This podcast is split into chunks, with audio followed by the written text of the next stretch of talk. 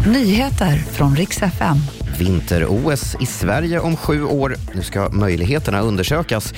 Och så har det åttonde namnet avslöjats inför årets Let's Dance.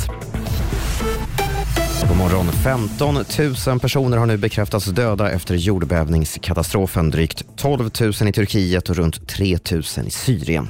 Nyhetsbyrån AFP skriver att dödssiffran väntas stiga ytterligare eftersom mer än 72 timmar nu har gått, vilket brukar betraktas som gränsen för när det inte längre är troligt att hitta fler vid liv.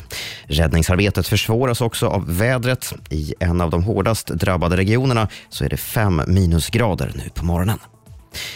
Sverige kan komma att söka vinter-OS 2030. Det bekräftade Sveriges olympiska kommitté, Riksidrottsförbundet och Sveriges paralympiska kommitté igår.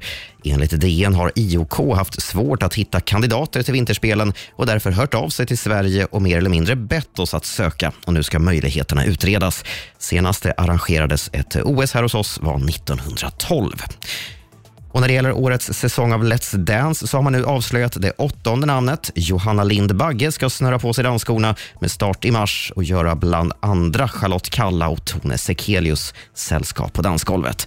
Hennes man Anders Bagge var ju med 2011 och slutade då på en tionde plats. Nu är du uppdaterad med det senaste och jag heter Robin Kalmegård.